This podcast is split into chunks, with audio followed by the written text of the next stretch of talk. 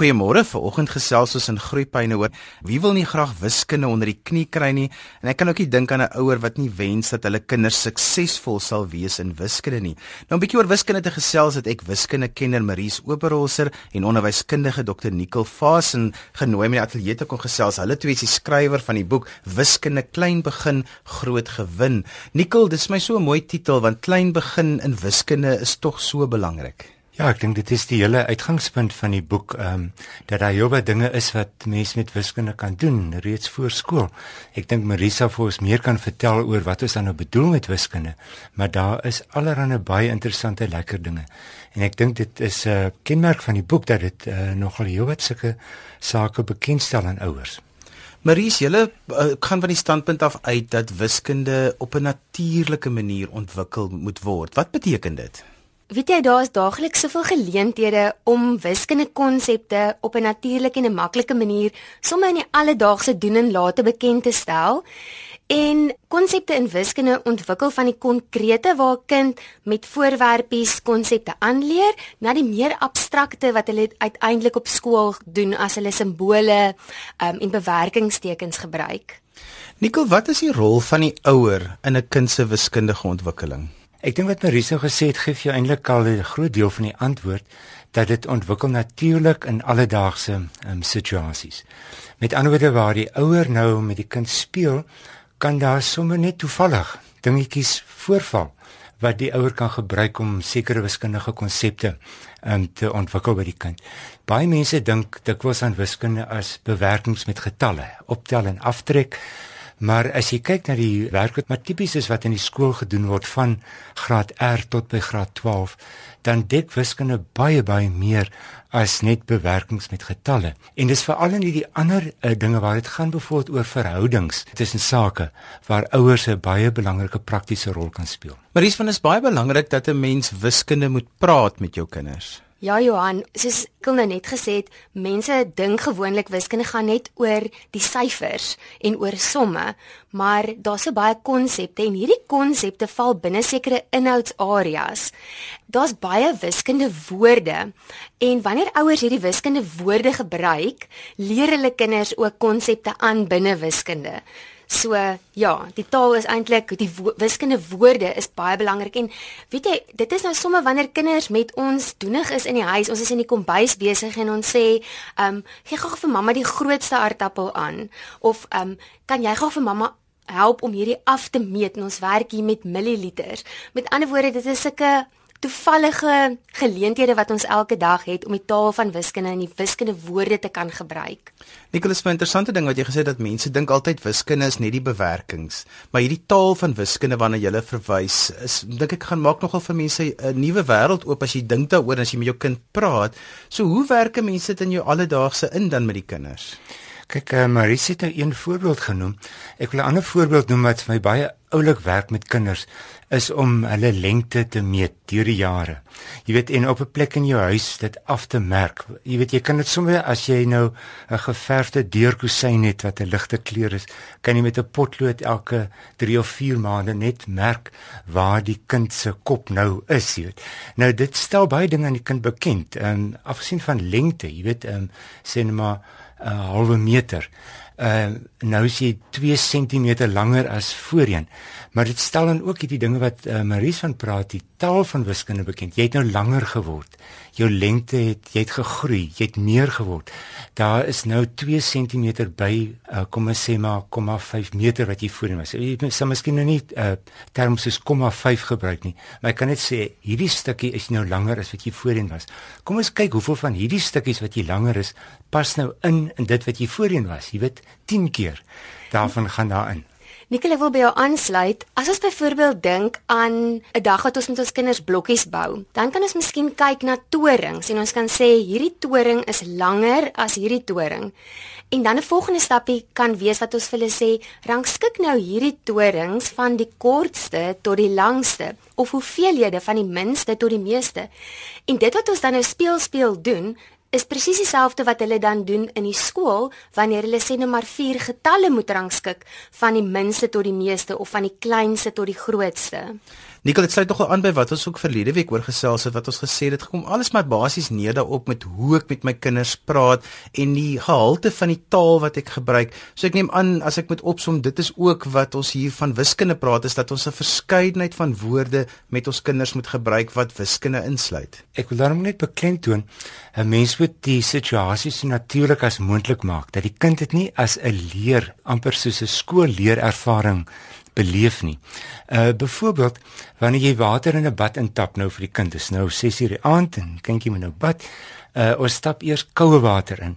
Nou uh kom ons sit nou net soveel warm water by. Nou voel ons hoe hoe voel die water nou? Is dit nou warm of koud? Selfs warmer en kouer is deel van hierdie wiskunde taal waarvan ons praat wanneer dit gaan oor verhoudings wat ons uitdruk. Nou kan ons sê goed, kom ons stap net soveel warm water by. Dan kyk ons nou hoe voel die water dan. Dan kan jy sien werk ons nou met 'n verdubbeling van die hoeveelheid wat nou glad nie na wiskunde klink nie. Dit ons stap dan nou water in 'n bad in, maar is 'n natuurlike situasie wat ons benut. Ek dink ons wil beklemtoon dat ons wil nie van ouers wiskunde onderwysers maak nie. Dit gaan oor die opvoedingsgeleenthede wat natuurlik voorkom en as jy dan nou net 'n paar van hierdie konsepte ken dat jy dit dan natuurlik in die, in in jou lewe met die kind kan gebruik. Nou Maries, ek weet Nicolas se oupa en oupas maak kinders anders groot as wat ma's doen en jouself 'n ma van klein kleuters. Hoe werk 'n mens dit in by jou besige dag, hoe hierdie manier van praat? Johan, ja, dis baie harde werk om 'n mamma te wees. Um, ek is nou 'n mamma van 'n graad 3 dogtertjie en 'n graad R seentjie. En ja, ons benut maar die klein oomblikkies. Byvoorbeeld as ons skool toe ry, gesels ons baie keer oor wat die datum vandag is. En dan sal ons byvoorbeeld vra of dit 'n ewige getal of 'n onewige getal is en oor hoeveel minute die klok lui. So, ehm um, presies wat Nicole ook gesê het, dit is nie formele leergeleenthede wat ons nou gaan sit met papier en 'n potlood en en en werk, wiskunde werk nie. Ehm um, ek dink as mens bewus is wat wiskunde alles is, dan kan 'n mens hierdie klein geleenthede benut elke dag. Nou as ons moet begin praat oor goed wat belangrik is, dan weet ek in leer is sintuie, die rol wat sintuie speel baie belangrik. Nou as mense wiskunde hoor, dan dink hulle dadelik aan getalle en hulle dink aan syfers en hulle vergeet 'n bietjie van die rol van sintuie. So praat 'n bietjie vir ons daaroor en gee 'n paar wenke. Weet jy Johan, ja die brein ontwikkel deur sintuie. So ons moet altyd bewus wees van geleenthede waar ons ons kinders se sintuie bietjie kan stimuleer. Ek dink met sintuie kan ons dink aan dinge soos ehm um, nou die tassin, die voel. Met ander woorde, jy kan uh, twee oppervlaktes sê, een grower, een ehm um, fyner. Uh die kindjie daaroor laat voel en sê wat voel nou vir die grofste, die hardste. Ehm um, jy weet en watter voel nou die fynste nou. Weereens klink dit dalk nou nie sommer vir die oningewyde na wiskunde nie, maar dit gaan weer eens oor 'n verhouding. Ja. Ehm um, tussen grof en fyn wat jy met jou sintuig kan waarneem ja. en wat jy later ook dan kan begin toepas op ehm um, iets wat nou maar bloot net anders is as as iets anders. Byvoorbeeld 'n blou kleur teenoor wit ehm um, dat jy verskille kan agterkom op grond van dit wat jy met jou sintuie eers waargeneem het. Uh, verskille met verskille bedoel ek die konsep van verskil wat jy waargeneem het deur die tassin. Ons kan byvoorbeeld ook as ons dink aan musiek, kan 'n mens verskillende ritmes met jou kinders klap. So ons hoor die ritme van die musiek en ons klap 'n sekere patroon. Ons gee twee hande klappe en ons stamp ons voete twee keer en ons gee weer twee hande klappe en ons stamp ons voete twee keer. So dit is byvoorbeeld hoe 'n mens weer gehoor kan gebruik om jou kind te help ontwikkel. Ek dink ons moet sê dat as ons praat van wiskundige konsepte wat ontwikkel deur sintuie, dan is dit deel van 'n groter patroon, want daar is ook ander dinge in die kind se lewe wat bydra om wiskundige konsepte te ontwikkel saam met sintuie. En ons onderskei net uh dinge so speel. Ehm um, want uh, nou ons het nou al 'n paar keer gepraat daarvan dat ons deur speel juis wiskundige konsepte kan ontwikkel. Ehm um, wanneer jy met 'n karretjie speel, my karretjie kan verder loop as jou karretjie. Weet as jy tweeetjies stoot, dan kyk ons of die geel of die groen karretjie die verste loop, jy weet ensovoorts. Of um, ons kan dink aan interaksie waar ons um, saam met ander um, is waar ons probleme moet oplos. Uh maar dan nou vir ons drie lekkers gegee en ons is twee en hoe deel ons hierdie drie lekkers tussen twee van ons? Jy weet sonder dat een nou benadeel word. So dis 'n voorbeeld van probleemoplossing deur interaksie en ons kan ook kyk na herhaling. Jy weet as 'n mens 'n paar keer dieselfde soort ding doen, nou nie net na mekaar nie, maar 'n paar dae uit mekaar het, sal dit ook help om die wiskundige konsepte te ontwikkel. So as ons praat van sintuie wat konsepte ontwikkel, dan is daar ook ander fasette, ander sake wat die wiskundige konsepte kan ontwikkel. Ek wil net aansluit um, by Nicole. As ons byvoorbeeld dink aan die konsepte lank en kort, dan kan ons byvoorbeeld in een situasie stokkies klassifiseer as hulle is of lank of kort. Maar dan herhaal ons dit weer in 'n volgende konteks waar ons byvoorbeeld in 'n ry staan by 'n winkel en ons sê wie van hierdie mense in die ry is die langste of wat een is die kortste. So daai herhaling is verskriklik belangrik en dit ons trek dit ook deur na die skool toe. Want hoe meer keer jou kind die antwoord van 3 + 5 as 8 kry, hoe makliker gaan hy dit op 'n volgende geleentheid kan herroep. Jy luister na Groepyne saam met my Johan van Lille. Ons gesels vandag oor hoe mens jou voorskoolse kind kan help om sy of haar natuurlike wiskunde vermoë te ontwikkel. Nou, ons praat spesifiek van voorskoolse kinders. Om hiermee te help het ek vir wiskundekenner Maries Oberholzer en onderwyskundige Dr Nicole Fasen genooi om bietjie met ons te kom gesels. Maries, die vraag altyd by ouers is: tot waar moet ek tel met my voorskoolse kind en moet ek hoegenaamd met my voorskoolse kind tel? Johan, tel is baie belangrik.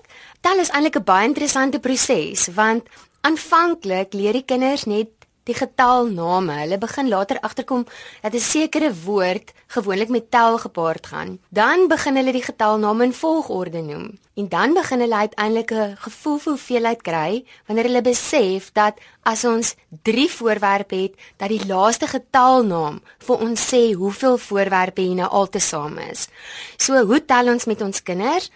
Ons as ons trappies klim kan ons met hulle tel en dan moet ons altyd beklemtoon die laaste getal waarop ons eindig. So ons tel 1 2 3 4. O, hier's 4 trappies altesaam. Ons voorskoolse kinders hoef nie verder as 10 te tel nie. So dit beteken nou nie jy kan nie tot by 20 of tot by 30 tel nie, maar ons hoef nie druk op hulle te sit om nou skielik tot by 20 in volgorde te tel nie, want onthou, tel kan baie maklik net 'n rympie wees.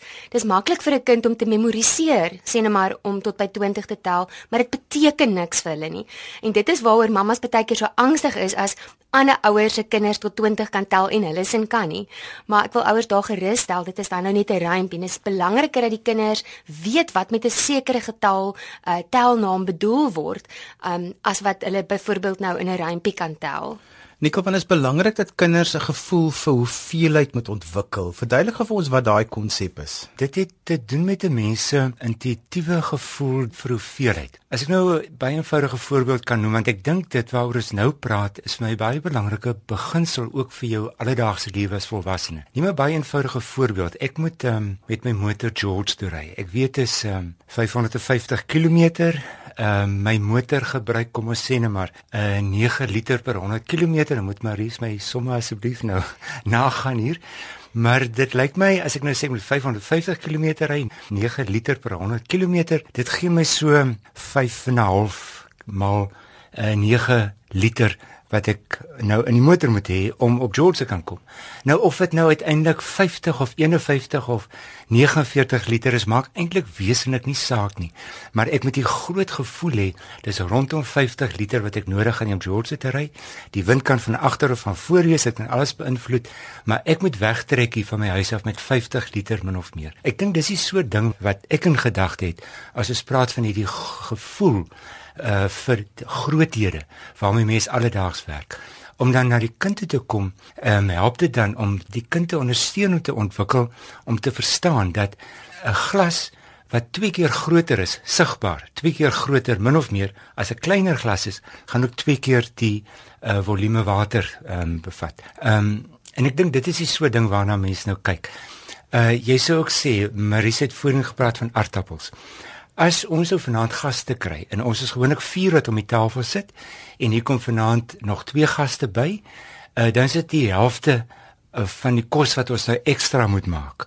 Ek dink dit is die soort gevoel wat 'n mens graag wil ontwikkel. En as jy dan die aardappels stel, ons sou vanaand 4 aardappels gebruik het. Nou hoeveel aardappels as die twee mense bykom, moet ons bysit om nou genoeg aardappels vir vanaand te hê. Nog iets wat ek net wil byvoeg om vir kinders die gevoel van hoeveelheid te gee, is ook om vir hulle die geleentheid te gee om hoeveelheid met een oogopslag te probeer herken. Nou dit doen ons sommer lekker met ons vingers, om byvoorbeeld vir 'n kind een vinger op te hou en te vra hoeveel vingers sien jy? En 'n volgende keer weer twee vingers en nou wys ons twee vingers vinger sien maar as ons duim en ons wysvinger, maar volgende keer wys ons dit as ons ringvinger en ons pinkie. Ehm um, en so kan 'n mens dan nou gaan tot by 5 om ook byvoorbeeld die hoeveelheid wat op 'n dobbelsteen is met een oogopslag te herken en te sê o, dis nou weer 'n 3.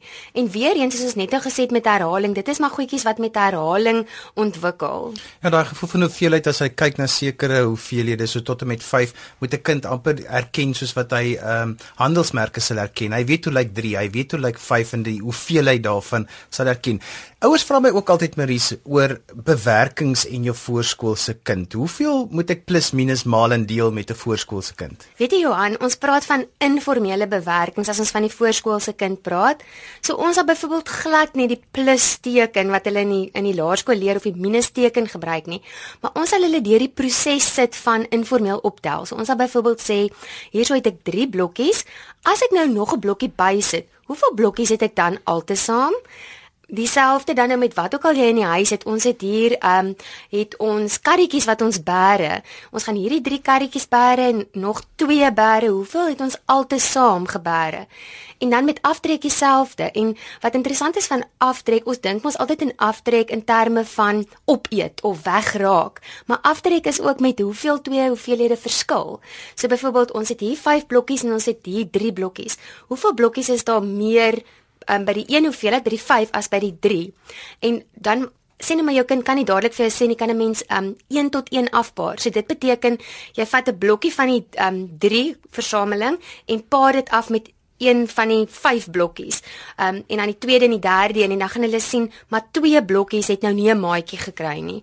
So ek wil net weer beklemtoon Ons doen nie formeel plus en minus, soms ons gebruik nie eers die woord plus en minus nie, maar ons skep geleenthede waar kinders deur die hele proses van plus en minus gaan. So op die voorskoolse kind moet dit op 'n natuurlike, informele manier gebeur.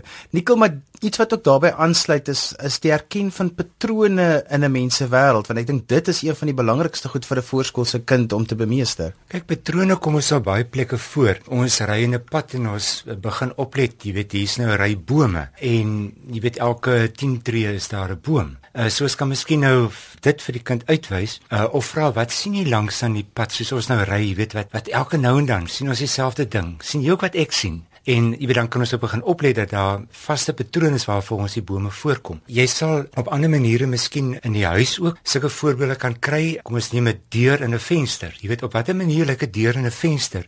Nou miskien dieselfde as jy nou reghoekige vensters en deure het Ehm um, jy weet so kan jy begin kyk uh, na patrone wat in die huis voorkom en wat hulle herhaal. Uh, waar sien ons nog so 'n soort patroon? Kom ons soek 'n bietjie. Ah, hier's 'n boek.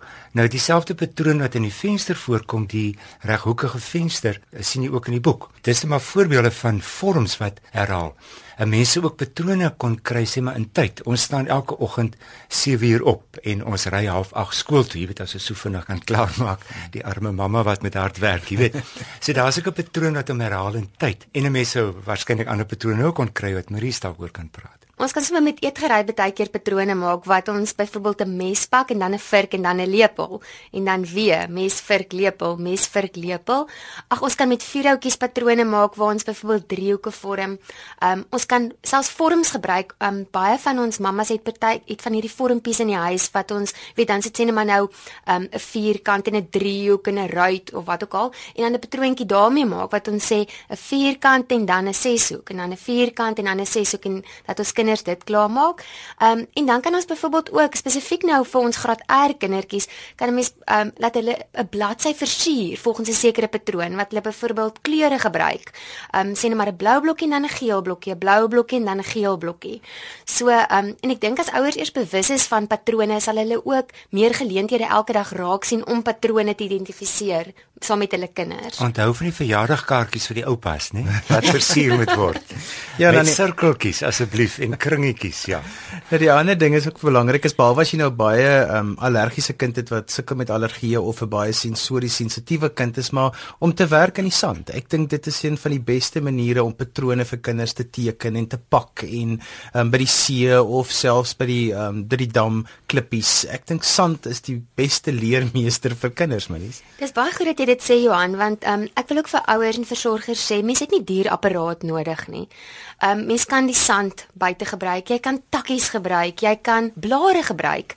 Uh, ons kan byvoorbeeld blare in 'n sekere patroon pak, 'n klein blaartjie en 'n groot blaartjie, 'n klein blaartjie en 'n groot blaartjie. Um, en sand ook. Jy weet, kinders kan lekker met um verskillende grootte houers in sand speel. Ons kan sê hoeveel van hierdie houertjie ons ek wyk nou 'n bietjie af van die patrone af, maar sommer net nog idees. Hoeveel van hierdie spesifieke houertjie het ek nodig om 'n groter emmertjie vol te maak? So ja, sand enige natuurlike hulpmiddels wat 'n mens het, kan 'n mens inspan. Hou kan gedagte dat 'n mens uh, patrone kan uitbrei, maar ook dele wat ehm um, kortkomende patroon kan invul, nê? Met ander woorde die groot blaar, klein blaar opening, klein blaar, groot blaar ensovoorts. Nou wat pas in die opening in? So afgesien van aanvul van die patroon op dieselfde manier ook invul van gapings in die patroon. En net nog iets wat interessant is van patrone, is sekere patrone herhaal, soos wat ons nou genoem het, 'n klein blaar en 'n groot blaar en 'n klein blaar en 'n groot blaar.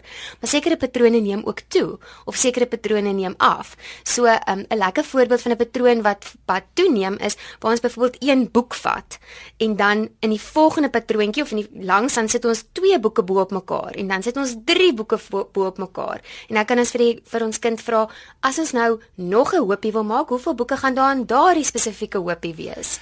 Iets wat ek net wil beklemtoon is dat 'n mens met kinders moet weet hoe om te wag en jy moet weet wanneer om stil te bly en ek dink baie keer doen 'n mens hierdie goed met die kinders en jy pak die patroon uit, dan raak jy so angstig dat jou kind nie die patroon kan sien nie dat jy later begin met groot blaar, klein blaar en al hierdie patroon eintlik vir jou, maar die die doel is eintlik dat jou kind sy tyd moet neem om die patroon te ontdek, Nicole, en ek dink dis waar ouers baie keer verkeerd gaan. Kyk, um, ek dink wat jy nou van praat is eintlik ook 'n baie groter saak waaroor Maries baie meer sou weet as ek nou sommer.